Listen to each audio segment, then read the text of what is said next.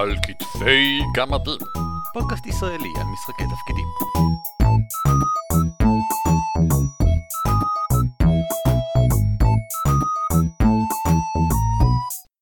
שלום וברוכים הבאים לפרק 147 של על כתפי גמדים, פודקאסט ישראלי עוסק במשחקי תפקידים. שמי הוא ערן אבירם. נעים מאוד, אני אורי ליפשיץ, האומנם? ואני אביב מנוח. והפעם אנחנו מדברים על נושא שאורי מאוד רוצה לדבר עליו. אורי מאמין גדול בלתאם בין אירועי השנה לבין נושאי הגמדים. אמ, אז אנחנו מדברים על פורים. ערן, אני אעצור אותך כבר עכשיו ואגיד שאורי לא רק מאמין גדול בזה, אורי מאמין גדול שלתאם בין אירועי השנה לבין כל דבר אחר, גם בסשנים שהוא מריץ ושאחרים מריצים. אה, אין שום סיבה עם פורים עכשיו, ואכן פורים עכשיו, לא להכניס לסשן הקרוב שלכם מסיבת תחפושות. למה לא? כולם גם ככה באווירה הזאת. תר, תרכבו על הגל, לא חייבים לקחת את זה לקיצוניות, כן? לא חייבים שכל סשן שמריצים בפסח יהיה על אה, יציאה מעבדות לחירות. אבל זה כן יהיה מעניין לדעתי שסשן בפסח למשל אה, יהיה עם אלמנטים של ההגדה, יהיה עם אה, מדבר, יהיה עם אוכל יבש ונוראי. יהיה שחרור עבדים. בדיוק. זו נקודה טובה, אני גם כתבתי פעם פוסט שלם על סשן uh, שמבוסס בעצם על 1 באפריל, שגם זה בעצם אירוע שנתי, אז אני אתן קישור לזה, נכון. ואני כתבתי כתבה בשני חלקים, על, או שלושה חלקים אפילו, על שילוב uh, חגים, אמונות טפלות ועוד משהו במשחק. היי, אביב, מה העניינים? זה היה פורסם במקור במגזין האורק, אבל עכשיו זה נמצא גם באתר שלי, אז אה, ערן ישים כישורים. נכון מאוד. אז במה אנחנו מתחילים? במה אנחנו מתמקדים, אורי? אה, אולי נתחיל עם שיר פורים. אני פורים, אני פורים, וכן הלאה וכן הלאה. כולם מתים, זוטונים, מלכודת, טרלללה, וכו' וכו' וכו'. אבל שוב, אנחנו נתמקד באמת בנושא החג של פורים, וספציפית נתמקד בנושא של זהויות בדויות והתחפשויות. כי, כי כולנו היינו שם, נראה לי. כאילו, אם מישהו פה ממאזיננו אף פעם לא היה בסשן שבו הקבוצה הייתה צריכה להסתנן לאיפשהו, ואחת מהדמויות, או כמה מהם, היו חייבים להסתיר את זהותם, או להעמיד פנים שהם אנשים אחרים, כדי להשיג מידע, כדי להסתנן למקום, כדי כל אחד מהדברים, כאילו, אם זה לא קרה לכם אף פעם, תרימו את יד ימין. כמו שחשבתי. נכון מאוד. אף אחד לא הרים את יד ימין. בסדר. תקראו לי אולד פשן, אני עדיין חושב שלא משנה מהי הפעולה שמתרחשת בסשן, ככל שמצליחים לערב כמה שיותר מהקבוצה בפעולה הזאת, כולם נהנים יותר. אה, ובייחוד, אחד מהדברים הפייבוריטים שלי בקטע הזה, זה יצירת זהות בדויה. כי קודם כל, אם אנחנו רוצים להסתנן עכשיו לכלא, המקסימום סקיורטי באסקבן שבטמן כלוא בו. כן, זה, זה נשמע הגיוני, כל הרצף הזה. אז למה לא לתת לכל הקבוצה, לכל הדמויות, לשבת ביחד ולתכנן את ההייסט הזה, את התרמית המגניבה הזאת? אה, למה לא לשבת ולחשוב, אוקיי, מי תהיה הזהות הבדויה האידיאלית למטרה הזאת? איך אנחנו יכולים להגיע אליה? איך אנחנו יכולים לחקות אותה? איך אנחנו יכולים לברר מתי יהיה זמן מוצלח לעשות זה כדי שהדמות האמיתית לא תגיע? וזה כבר עניין ש, שכל אחת מהדמויות יכולה לתרום למאמץ. בין אם ברמת הרעיונות, אוקיי, אני חושב דווקא שנתחזה לדוכס, לדוכס של העיר יש כניסה לכל מקום. לא, לא, מה פתאום, מה פתאום, בוא נתחזה לפושע שאנחנו יודעים שתמיד אה, מצליח להסתנן לכל מקום, בטח אחד מהשומרים אה, משוחדים אצלו וכו'. עכשיו, גם אחרי שהחלטתם על גיימפלן כלשהו, כל אחד יכול לתרום למאמץ הזה. הגנב יכול ללכת ולחפש אה, מידע מודיעיני וכל מיני פרטים מעניינים שיעזרו. אה, הלוחם יכול אה, to beef up ולשחק את שומר הראש של הדוכס פרפזד שבא לבקר בבית הכלא. הקוסם יכול לתת tweaking של אשליות וכו'. הטרובדור יכול, אתם יודעים, לשקר לכולם. או לפזר שמועות על כך שהדוכס בטח הולך לעשות ביקור פתע בכלא, מה? או, אתה עובד שם? אתה מציין כאן נקודה מאוד חשובה לגבי זהות בדויה, אני חושב שהרבה פעמים מתעלמים ממנה, וזה לייצב אותה, לבסס אותה בתוך משהו קיים. זאת אומרת, רק להתחפש לאיזשהו מישהו, לדבר אחרת, זה, זה בסדר, אבל להפיץ שמועות עליו, זה חלק חשוב, אני חושב, מביסוס הזהות הבדויה הזאת. אה, להשתמש בקסם כדי לגרום למישהו להיראות שונה, זה בסדר, זה סוג אחר של תחפושת. אבל ממש לצאת לרחוב, ואתה יודע, כבר שבוע לפני, לגרום לאנשים לדבר על... בוב סתום העין, ולהגיד דברים מסוימים על לא בוב סתום בוב סתום העין. או לבוא אפילו בתור זהות בדויה שולית, מישהו קטן שתפקידו רק, אתה יודע, להוות את הבסיס לבובסטום העין. מישהו שרק נכנס, עובר, קונה משהו בחנות, אומר מה, ועל בובסטום העין שמעת? ואז פעם הבאה שמגיע בובסטום העין לחנות הזאת, בעל החנות מבין עליו או יודע עליו איזשהו משהו, אה, בסוג של התרמה כזאת, שהחבורה יוצרת מראש. אני אגיד משהו יותר קיצוני. אני חושב שכמו שמנחה, חלק מתפקידיו בעיניי זה לעשות בילדאפ לסשן לרגע שיא, בתהליך כזה, אחריות השחקנים ליצור בילדאפ ל-NPCs עבור הזהות הבדויה. כן, אני חיכיתי שתגיד ידעתי שזה מגיע פשוט. אני רוצה, אתה יודע מה, אני ארחיב לגבי התלונה שלי לגבי זה, אבל בהמשך, כי אני רוצה לדבר על זהות בדויה מזווית אחרת לגמרי. לגיטימי. עכשיו, מעבר לכל הדברים האלה, אני תמיד במקרים של זהות בדויה, אוהב לתת לשחקנים שלי איזושהי משימה נוספת שכזאת. ואני מדגיש שוב לשחקנים, כי אם שחקן מסוים משחק אה, שתי דמויות בעצם, הוא משחק את הדמות שלו, הוא משחק את הדמות שלו, משחק את דמות אחרת. כן. אז אני תמיד ממליץ על איזשהו אה, סימון אוף פליי, שמדגיש מתי השחקן משחק את הדמות שלו, ומתי הוא משחק את הדמות שהדמות שלו משחקת, בעצם. זה יכול להיות ברמה הפשוטה של אה, מבטא אפילו. אה, אם הדמות שלך בדרך כלל מדברת ככה, בקול אה, מסוכס, גברי ומוצלח במיוחד, אבל עם מעמידה פנים שהיא לורד כלשהו, אז במקום לדבר ככה, אתה יכול, או כן, תודה לך על הענבים הללו, אישי הטוב, תודה לך.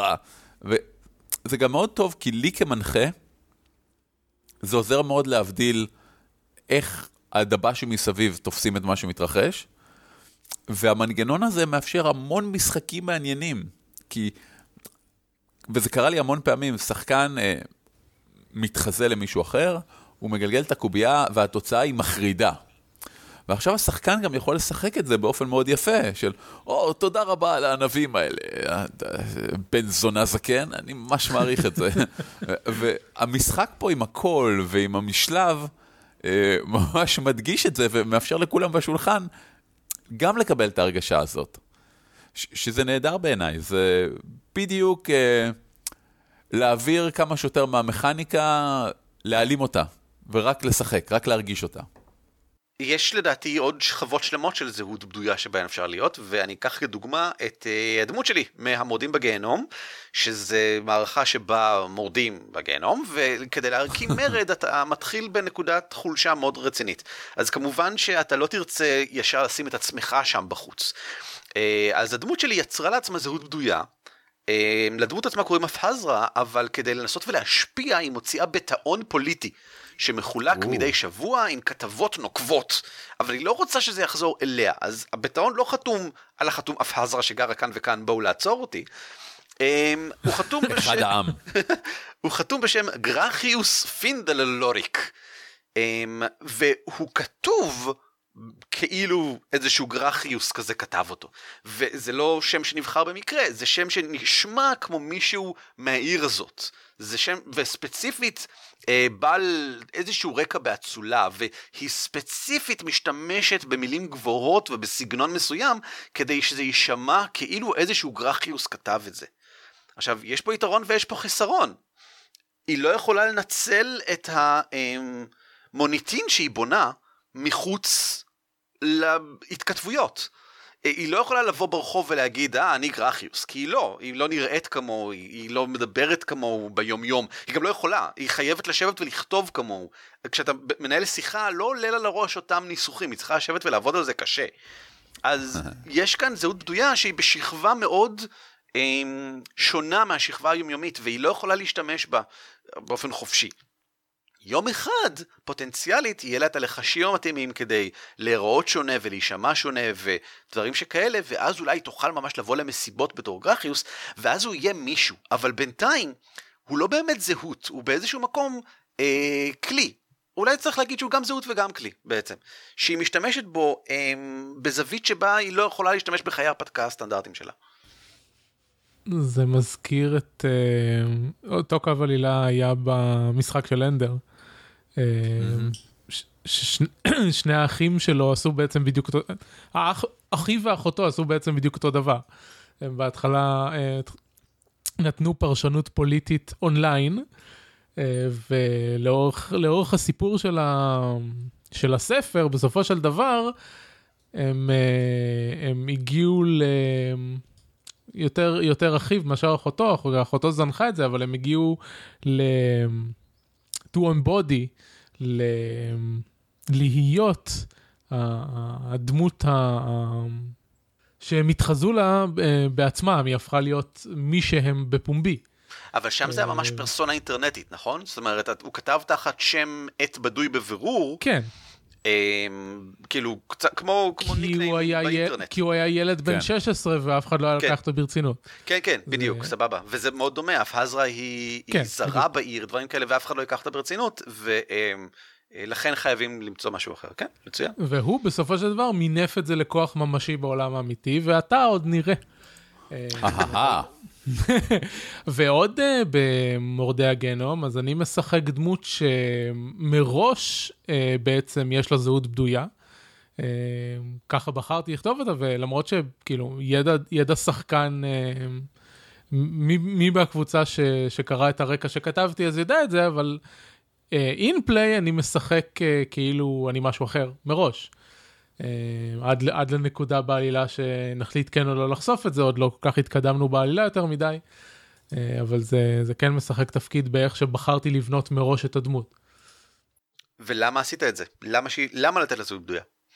במקרה הזה כי זה מה שנראה לי מתאים מההקשר של, אה, של, ה, של הקמפיין, כלומר כן. היינו צריכים סיבה, כל אחד מאיתנו היה צריך סיבה ללמה הוא השתתף במרד הזה. כן. אה, זה לא, זה לא סתם קמפיין אה, של, אה, לא יודע, פנטזיה גנרית, שכל אחד בוחר לו איזשהו הרפתקן ואתם... אה, לא ברור למה אתם ביחד ואתם מתחילים לעשות, אה, אה, לצאת להרפתקאות כאלה ואחרות. פה מלכתחילה היינו צריכים אה, אה, מטרה שעומדת בקנה מידה אחד עם מה שהולך לקרות בקמפיין, זה סוג של תיאום ציפיות, שדיברנו על זה די הרבה. אז יש מראש תיאום ציפיות של חייב להיות לך מניע לזה שאתה אתה, אתה רוצה להשתתף במרד, זה לא איזשהו משהו בכללי זה, יש לך אה, סיבה ספציפית שאתה רוצה להיות בה במרד. אה, ובמקרה שלי הסיבה שבחרתי בה זה שאבא שלי הוצא להורג על ידי השלטון ושאר המשפחה שלי אה, גורשה. אה, ואני חוזר, אה, חוזרת אה, כדי להשיג נקמה, אבל אני לא רוצה שיגלו שאני אה, קשור לאותם האנשים, כי מן הסתם אני לא אמור להיות פה בכלל.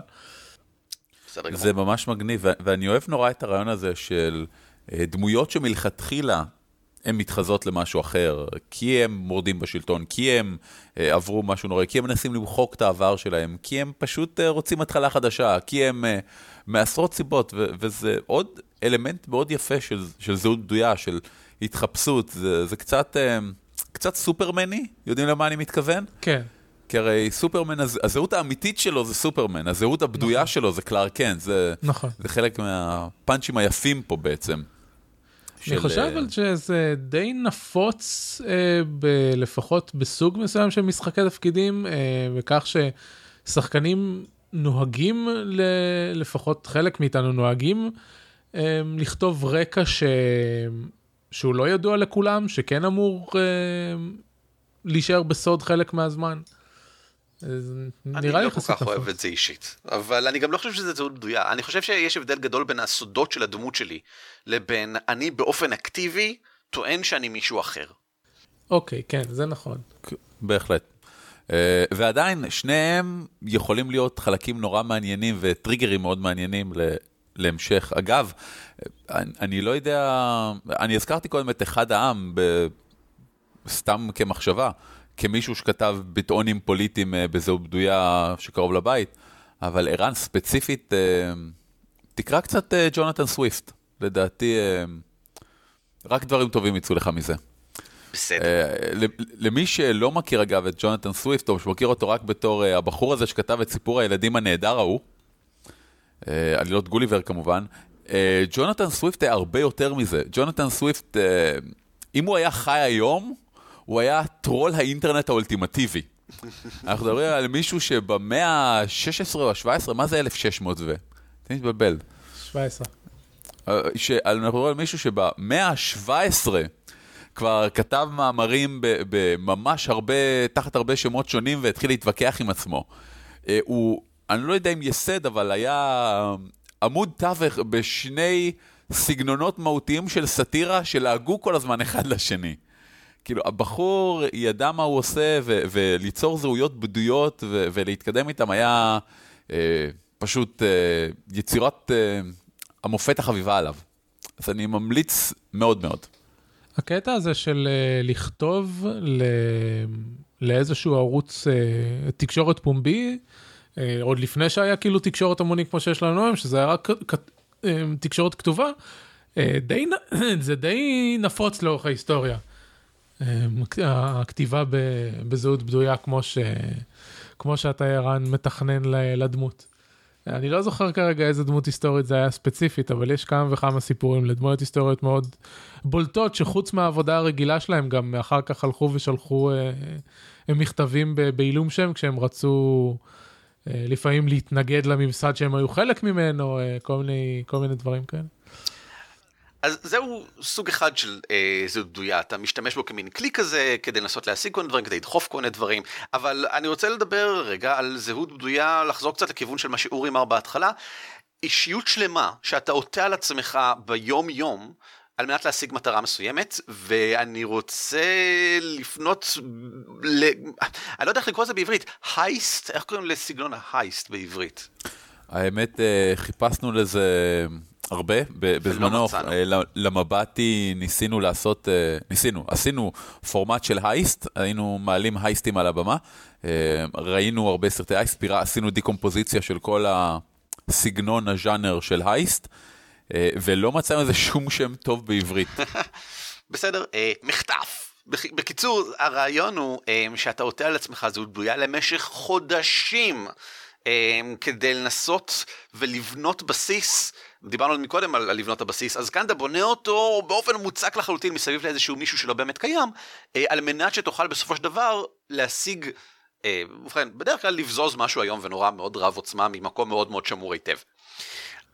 אפשר לקחת את זה גם לצד ההפוך לחלוטין, וזה שאתה undercover כחלק מכוחות הביטחון. נכון. ואז אתה עושה אותו דבר, רק במקום לבזוז משהו, אתה מנסה למנוע בזיזה של משהו, או לתפוס אה, אנשים שכבר בזזו משהו.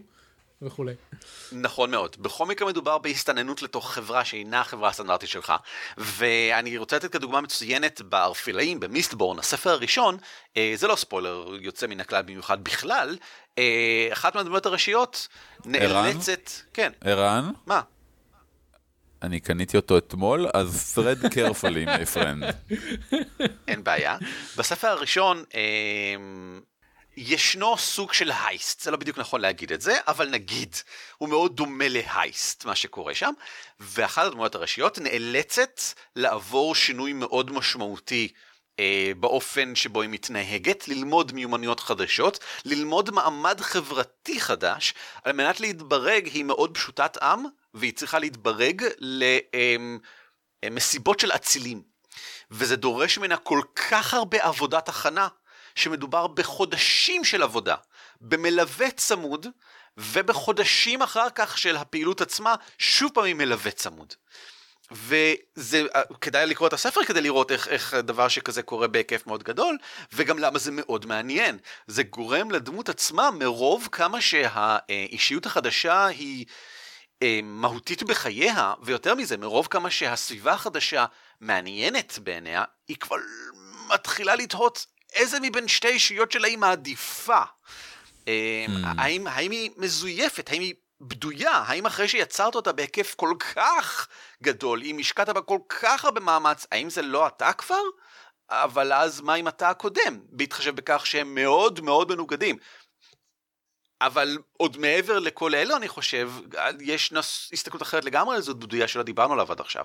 כי עד עכשיו התייחסנו לזה בעיקר לאיך אני משיג משהו באמצעות כך שאני מתנהג כמו מישהו אחר. אה, איך אני מצליח להימנע מאנשים שרודפים אחריי, איך אני מצליח אה, להיכנס לתוך אה, ארגון או גוף או whatever שלא זה, בסדר, אבל בשיטה in Peril, mm-hmm. Worlds of Peril, אנחנו ניתן קישור בכל מקרה, היה Kickstarter. שאביב מנוח הפנה את תשומת ליבי אליה אז לפני שנים. זו שיטה מבוססת מנוע אפוקליפסה בעולם של גיבורי על. עכשיו, בעולם גיבורי על, זהות בדויה, זה משהו שאפילו לא התחלנו לדבר עליו, ואני רוצה שנרחיב על זה מעט עוד מעט. אבל ב Worlds in Peril זה נקודת מוצא שלכולם יש זהות בדויה. אנחנו מניחים שלכולם יש את חיי גיבור העל וחיי היומיום. והמשחק מתנהל כך שבין קטעי אקשן, יש מהלך שאני חושב שפשוט נקרא חיי היומיום, שבו אתה מעביר את היומיום שלך. ו... נקרא fit in. מגניב. fit in, בדיוק. וכאילו, לחזור, לחזור לחברה הנורמלית באיזשהו מקום. חזרה לשגרה. חזרה לשגרה. ו... והמהלך הזה, היא... זאת ההזדמנות שלך לנסות להתגבר על מיני פורענויות ומכאובים. זאת אומרת, זה משהו שהוא ממש קצת כמו לחזור הביתה ולנוח אחרי מסע ארוך. זה, זה ההזדמנות שלך לחדש משאבים מסוימים, זה ההזדמנות שלך להיסגר על מי אתה ומה אתה רוצה, שאלה הם לא דברים באוויר, אלה הם מושגים בשיטה, אלה הם דברים שממש קורים שם. אמ, לצבור לא בדיוק נק"נ, אבל אה, עם מין התאוששות כזאת לקראת דברים שעומדים לבוא. זה קטע, זה ממש שיקוף של האקשן. וזה זה, זה חלק אינטגרלי, זה לא אופציונלי, אתה יכול להתייחס לזה כאילו זה לא, זהות בדויה, אתה יכול להגיד fit in, אני לא מתנהג כמו קלארק קנט, אלא אני חוזר למאורה שלי ומשם אני מביט ממעל על העיר ונזכר בכל הסיבות ללמה אני גיבור על, שהופך לחיה ומגרשים, לא יודע, מה, אתם רוצים? בעיקרון המהלך אמור לבוא לידי אה, ביטוי כשיש קונפליקט בין אה, מה שאתה עושה ב... במפגש עצמו, כלומר כשאתה מתנהג כמו גיבור לבין חיי היומיום שלך שאתה מנסה לא להתנהג כמו גיבור. כן. כי אמור להיות לך חיי יומיום. ואני חושב שזה נהדר כי זה הופך את הזהות הבדויה ל... אמ, מייצב עבור הדמות שלך, ששם זה גם די בולט, כי כשאתה לא מתנהג בזהות הבדויה, כשאתה ממש גיבור על, הדמות שלך עומדת לעבור מלא דברים. אמ, ויהיה לה קשה. וכדי שיפסיק להיות קשה, כדי לחזור, לא רוצה להגיד הביתה, אבל להתאושש, אתה צריך את ה... להיות מישהו אחר לכמה זמן, כי אתה כבר לא יכול להיות ההוא. כן. זה גם אה, נועד להכניס קונפליקט שהוא trope די מוכר אה, בז'אנר גיבורי העל, של מה אם מישהו שם לב. כן. שהזהות הגיבורה שלך והזהות היומיומית שלך הם אותו בן אדם. ומה אם, מה אם הם מציבים אותך בסכנה, מה אם הם מציבים את האנשים שקרובים לך בסכנה. אז זהו, אני רוצה להחזיר אותנו למקום הראשון שבו שמעתי על הקונספט הזה, בהירו סיסטם, אני חושב, או בגורפס, לא משנה, בשתיהן יש את זה, ישנו חסרון שאתה יכול לקחת, שנקרא זהות בדויה. אה, וזה חסרון, כלומר הוא נותן לך נקודות ואיתן אתה יכול לקנות דברים אחרים, כמו כנהוג בשיטות כאלה.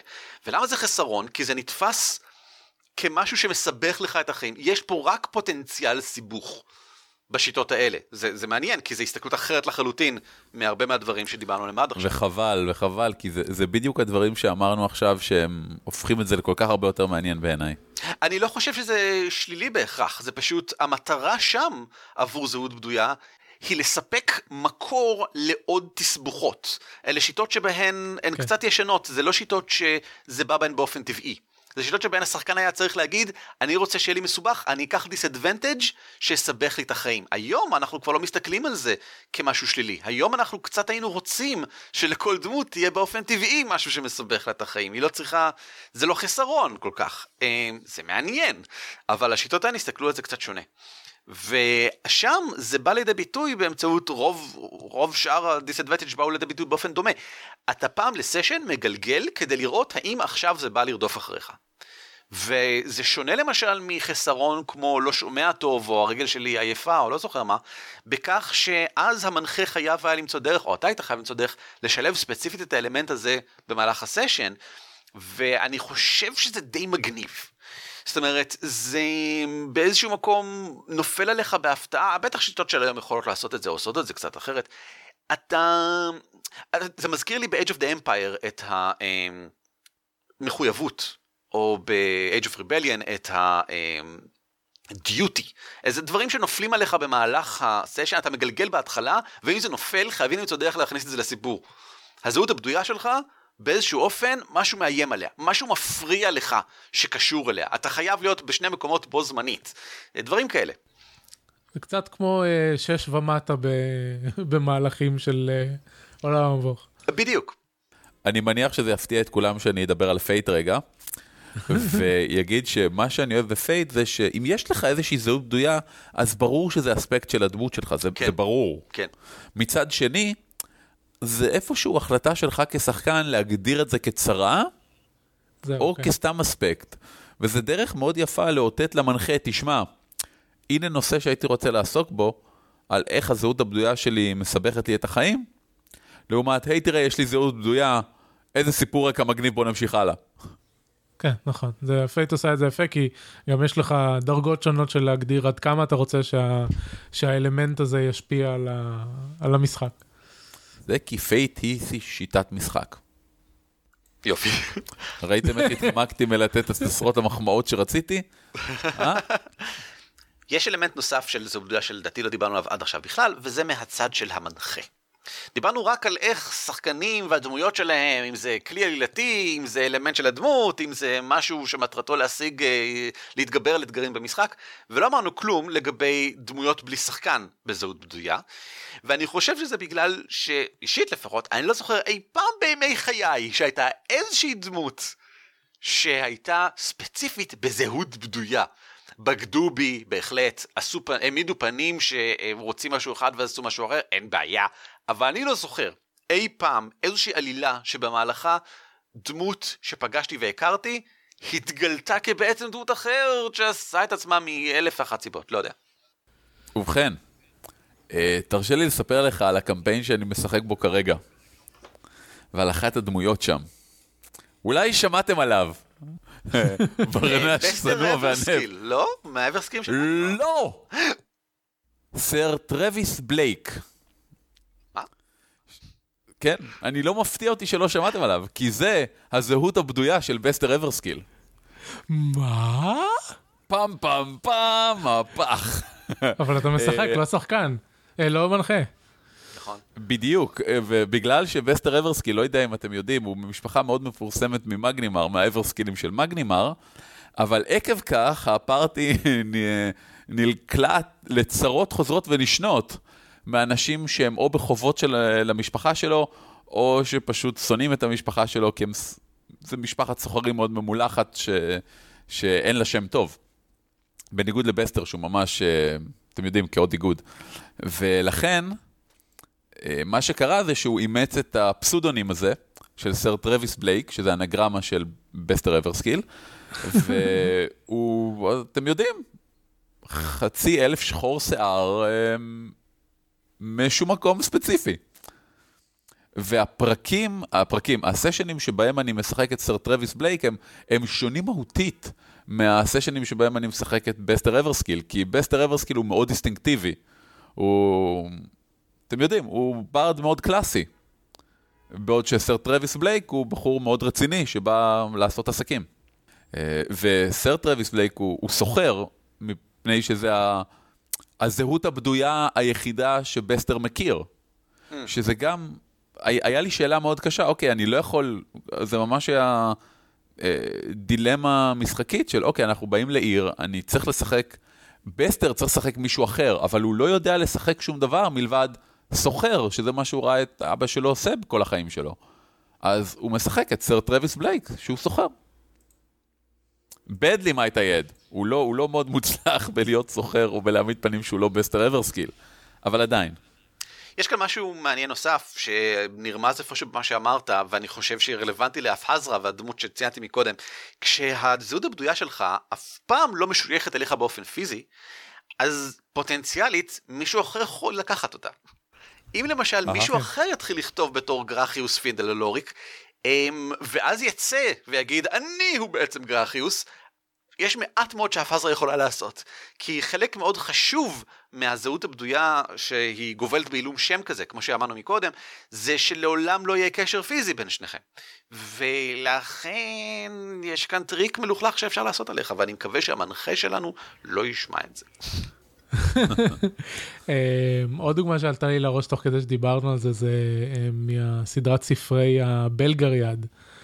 אמ, יש שם דמות שנקראת משי. ומשי הוא שליש סוחר, שליש נוכל, שליש מרגל, ושליש כל דבר אחר שירצו שהוא יהיה. והקטע שלו זה שבכל מקום, אה, כל מקום שהוא נמצא בו, שזה פחות או יותר כל מקום בעולם, מכירים אותו תחת דמות שונה. Mm.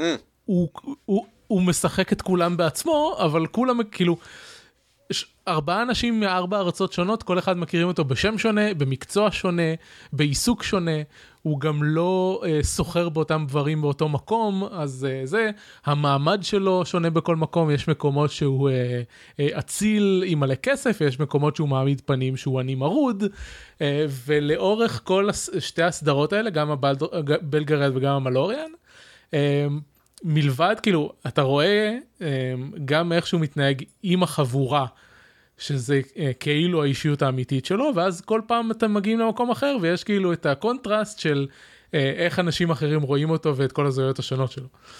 אז אה, זאת פשוט דוגמה מאוד חזקה מבחינה ספרותית לזהויות, לשימוש בזהויות בדויות במשחק. בסדר גמור. אה, לא חושב שיש לי עוד הרבה מה להגיד על הנושא, למישהו מכם יש מה להוסיף? אה, לא, מלבד זה שאני מקווה שכולכם נהניתם בפורים, אבל יש לי מגוון דברים לחפור עליהם מעט. הדבר האחרון שרציתי להגיד לך, ערן, זה ש... יכול להיות שעד כה לא נתקלת באב דמות שהיא משחקת אה, משהו אה, אחר, ויכול להיות שזה ישתנה בעתיד הקרוב. אני רק רוצה להגיד לך שאתה חושב אתה רק חושב שלא נתקלת באף אחד שמשחק דמות אחרת. אה, אני רוצה לתת איזשהו statement, אה, כאילו לסגור את זה, פשוט להגיד שבהרבה מאוד, אה, זה אמנם לא פנטסטי כמו רוב הדוגמאות שנתנו עכשיו, אבל בהרבה מאוד סדרות פרוצדורליות של משטרה וכולי, יש התייחסות לנושא של, של deep cover, של דמויות שנכנסות אפילו שנים לפעמים ל... תחת זהות בדויה, שלא לדבר על כל הסדרה שבעלת אותו שם. אה, זה נושא מעניין. אה, כן, בהחלט. זה רק מראה שאפשר קמפיינים שלמים שמבוססים רק על זה, אה, וגם זה עובד. is my point. בסדר גמור, אם ככה נעבור לסקשן של קורה לפעמים, שבו אנחנו מדברים על דברים שקרו לנו בחיינו, ואו אנחנו מוצאים מעניינים, הגמדים חופרי. חשבתי שהגמדים חופרים רק בכנסים. אנחנו עכשיו חופרים. אתה חופר רק בכנסים. אה, כן, אז על מה יש לחפור? אורי, מה קרה לך? מה קרה לי? ובכן, קרו לי דברים מעניינים. קודם כל, אתמול בלילה, אה, מה שמאפשר לחלק מהאנשים אה, למקם את הפרק הזה בזמן ובחלל, אני הייתי בכנס דורות, כנס חיפאי קטן ונהדר. אני אמנם הגעתי רק בערב, הגעתי תשוש לגמרי מהעבודה, הרציתי את ההרצאה שלי, ומיד אחרי זה הייתי צריך ללכת. אבל היה ממש מגניב להגיע, לראות, אה, אתם יודעים, חדרים על חדרים של אנשים עושים רולפליי, חדר גדול מלא במשחקי לוח שאנשים משחקים. אה, היה פשוט כיף, זה, זה כיף לראות, זה כנס חדש, דורות, הוא מתרחש בחיפה, הפעם הראשונה שהוא התרחש הייתה אתמול. אה, הבנתי שהיה היענות מאוד יפה גם של ילדים צעירים וגם של אנשים מבוגרים, עם, עם פער מעניין באמצע. זה היה ממש כנס משפחתי כזה, ככה הגדירו לי אותו. אה, וזה עבד יופי, וכן יהיו, זה, זה נהדר לראות גם uh, שמנחילים לדור הצעיר משחקי תפקידים, וגם שאתה יודע, עוד כנסים שבהם יש עוד משחקי תפקידים, איזה יופי. אני אישית העברתי הרצאה על uh, עולם דמויות ועלילה ב-90 דקות, והעברתי מגוון של כלים בעצם כדי לקדם כל אחד מפיתוח הרמה הזאת ביצירה שלכם, בין אם זה משחק תפקידים, בין אם זה סיפור, בין אם זה תסריט וכדומה. והיה ממש מוצלח. כל הכבוד להם, כל הכבוד לכל מי שעסקו במלאכה, וכיף, כיף, כיף. זה היה פעם ראשונה שזה קורה, נכון? כן, כן, ממש, כנס דורות שכנס היה. הראשון לשמו. יש תכנון לעשות עוד?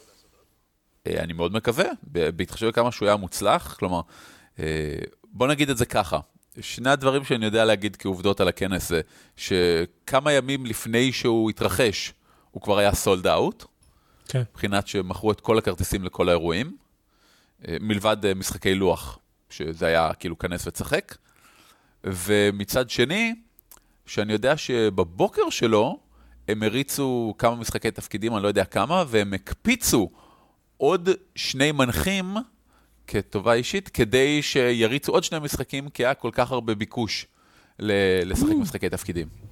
מגניב. זה ממש מגניב, זה, אני ממש מרוצה. טוב, הם, אה, הם תפסו את אה, מועד בשנה שכמעט אף פעם אין בו כנסים, פורים. והם תפסו מקום בארץ שכמעט אף פעם אין בו כנסים, חיפה. אה, אני בתור מישהו שגדל אה, בצפון, רוב הכנסים שהיו לי בזמנו זה היו כנסים בחיפה, ובשלב מסוים הם נעלמו, וזה היה קצת עצוב. הנושא השני שאני רוצה להגיד עליו משהו, זה שאני השבוע קיבלתי קוביות. כל הכבוד, אורי. נושא מדהים. כן, תודה, תודה. אמ, אני מחכה לקוביות האלה כמעט שנתיים. אה, אוי להם. כן, אלה, זה ה-Double D6, ה-DD6. אה, למה רק עכשיו קיבלת אותם? אני קיבלתי את שלי לפני חצי שנה.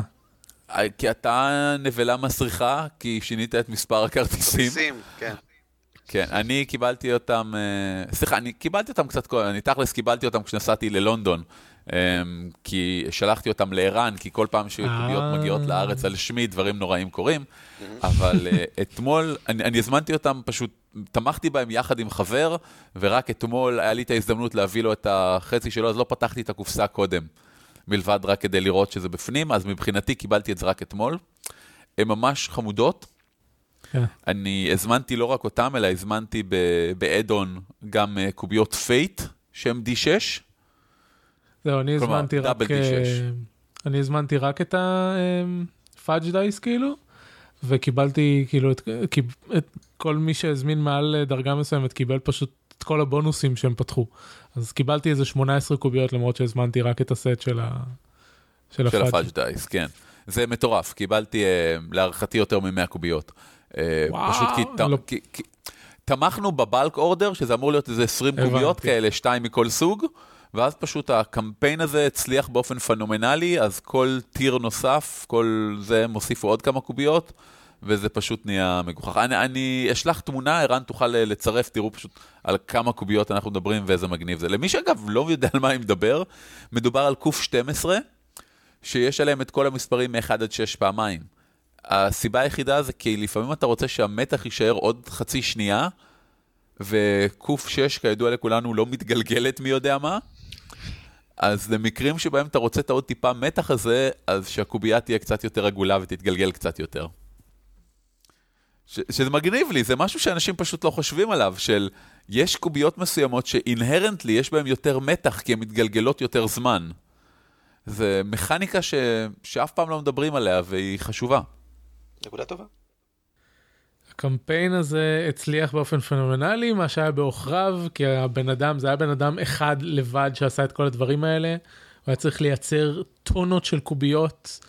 אה, הוא קפץ מיצרן ליצרן כי לא הצליח, כי בסופו של ההצעות מחיר המקוריות שקיבל אה, לא היו טובות מספיק, ואחר כך איכות הייצור לא, היו טובות, לא היה טוב מספיק. ובסופו של דבר, כאילו, אנשים, הוא החזיר את הכסף לחלק מהאנשים. אה, בסופו של דבר, כאילו, כבר ממש לאנשים נמאס, אז הוא, אז הוא ניסה להאיץ את זה, וטוב, אחרי שנתיים קיבלנו. אני אגב רוצה להגיד בנקודת מבט שמישהו מתעסק לא מעט בקמפיינים של מימון המון, העדכונים שלו היו פנומנליים ואות כן. ומופת לכל מי שזה. אה, לא היה יותר מדי, היה עדכונים בערך פעם בחודש. טוב, אז ניתן אבל- קישור כדי שהחבר'ה יראו. כן, פעם בחודש כן, הוא אה. תמיד כתב אה, בהתחלה סיכום אה, בנקודות, ואז הוא העריך פירוט, הוא צירף סרטונים כל פעם שהיו לו דוגמאות, זה היה, זה היה טוב. ואף פעם לא קיבלת אה, עדכון כזה, ואמרת, הוא סתם בזבז לי את הזמן, או אה, משהו כזה. תמיד זה היה עם דברים פרקטיים, פשוט תענוג אה, לראות את העבודה. קצת מבאס שבשורה התחתונה זה גם, אתם יודעים, לקח כל כך הרבה זמן, אבל בוא נגיד ככה, למרות שאני מחכה לזה שנתיים, אף פעם לא הרגשתי שנשכחתי, או שזה לא מתקדם, או שלא משקיעים מאמצים. לגמרי. לגמרי. הוא פשוט נפל על, ה, על התקופה הזאת בחיים של קיקסטארטר, שהיו מלא קמפיינים של אנשים עם רעיונות אבל בלי ניסיון, אה, ואז הוא פשוט קיבל מלא כסף והיה צריך לעשות את הפרויקט, ולא היה לו ניסיון ולא היה לו אנשים שיעצו לו, והיום אנחנו נמצאים במצב שהרבה יותר, לא כול, זה כאילו אי אפשר להגיד בכלל, עדיין יש הרבה כישלונות וזה, אבל הרבה יותר קמפיינים שמגיעים לקיקסטארטר, מגיעים אנשים עם ניסיון, מגיעים עם אה, אנשים עם תוכנית אה, פעולה הרבה יותר מוצקה, מגיעים עם אה, פרוטוטייפים בשלב הרבה יותר מתקדם. זה, זה היה, אה, זה היה מצער, כי זה היה איזושהי תופעה של אותה תקופה, אבל העיקר שקיבלנו בסוף. יפה. וכעת, חדשות ועדכונים. חדשות ועדכונים. דבר ראשון, אביב הנוח, שמשתף איתנו כאן בפרק, קם ועשה מעשה. אמ, אתה, משום מה, החלטת להעלות חלק מהחוקים של עולם מבוך ואנור בחינם לאינטרנט, לקריאה חופשית באתר. אה, לא ב-PDF, אלא במין SRD כזה, אתה יכול בשביל הייפרלינקים, אתה לוחץ חופשי והכל.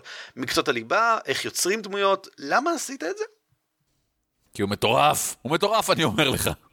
כי התחלנו את המשחק צ'אט וכל פעם אני הייתי צריך להעביר לאנשים אה, מידע וזה היה מעצבן ואנשים רצו ליצור את הדמות שלהם אז הם עשו צילומי מסך מה-PDFים וזה היה מה זה אז אמרתי טוב צריך את זה בטקסט.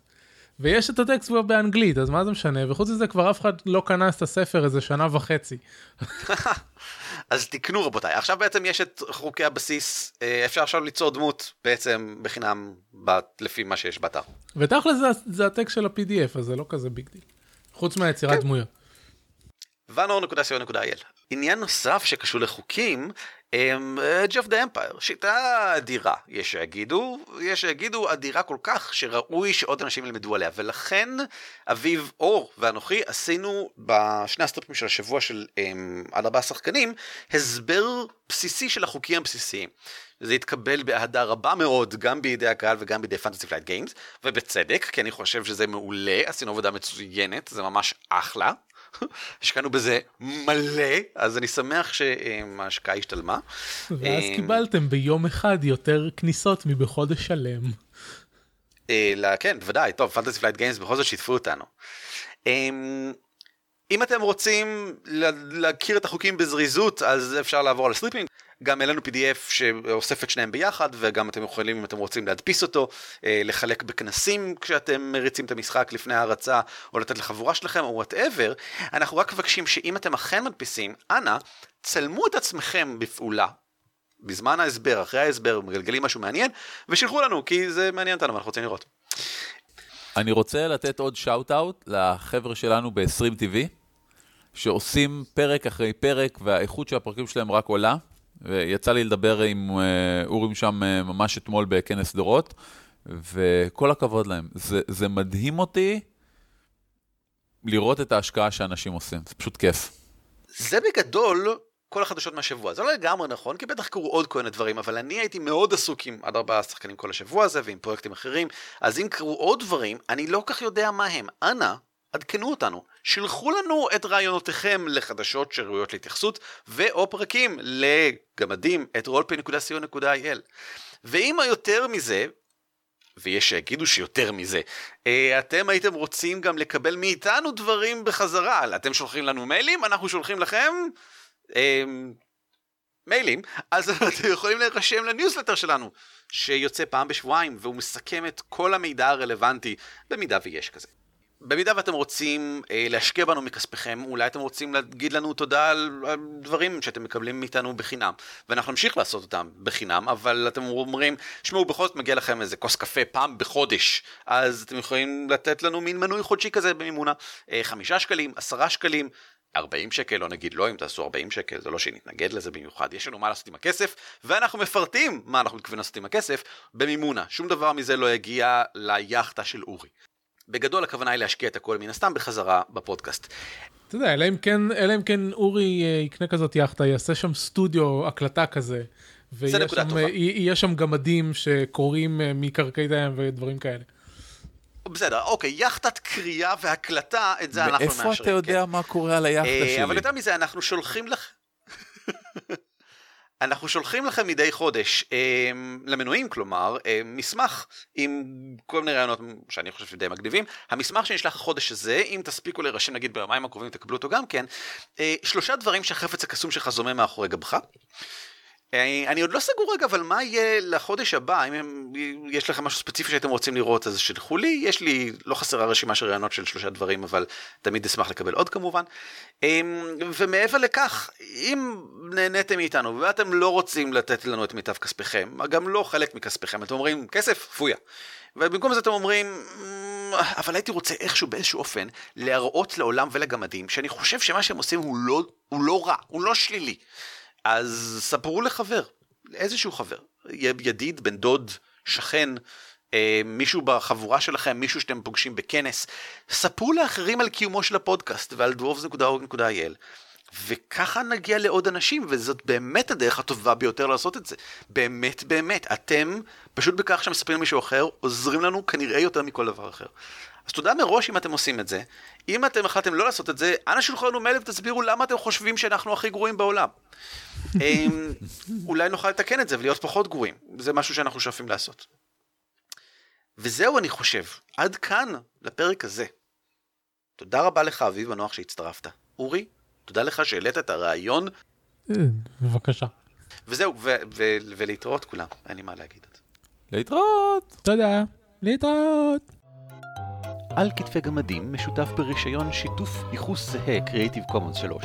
המייל שלנו הוא גמדים את roleplay.co.il והאתר שלנו בדוורבס.org.il.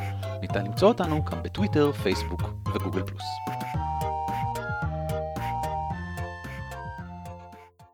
מי כתב את זה, את הדברים בתוך השעות וכל מיני סטריפים וחוקי המשחק של ואנו? אורי, אתה כתבת? מה? על מה אני אתה מדבר? כתבתי את חוקי המשחק שהבנו אחרי שראיתי שכתבת את הסטריפים. כתבתי את אה, הסטריפים? כנראה. טוב, אני מסתכל בזה, בכל מקרה, טוב, לא משנה. אני רק רוצה אמ, לציין שבגדול, אביב כתב את חוקי המשחק של ואנור. תודה. נכון. אז כך,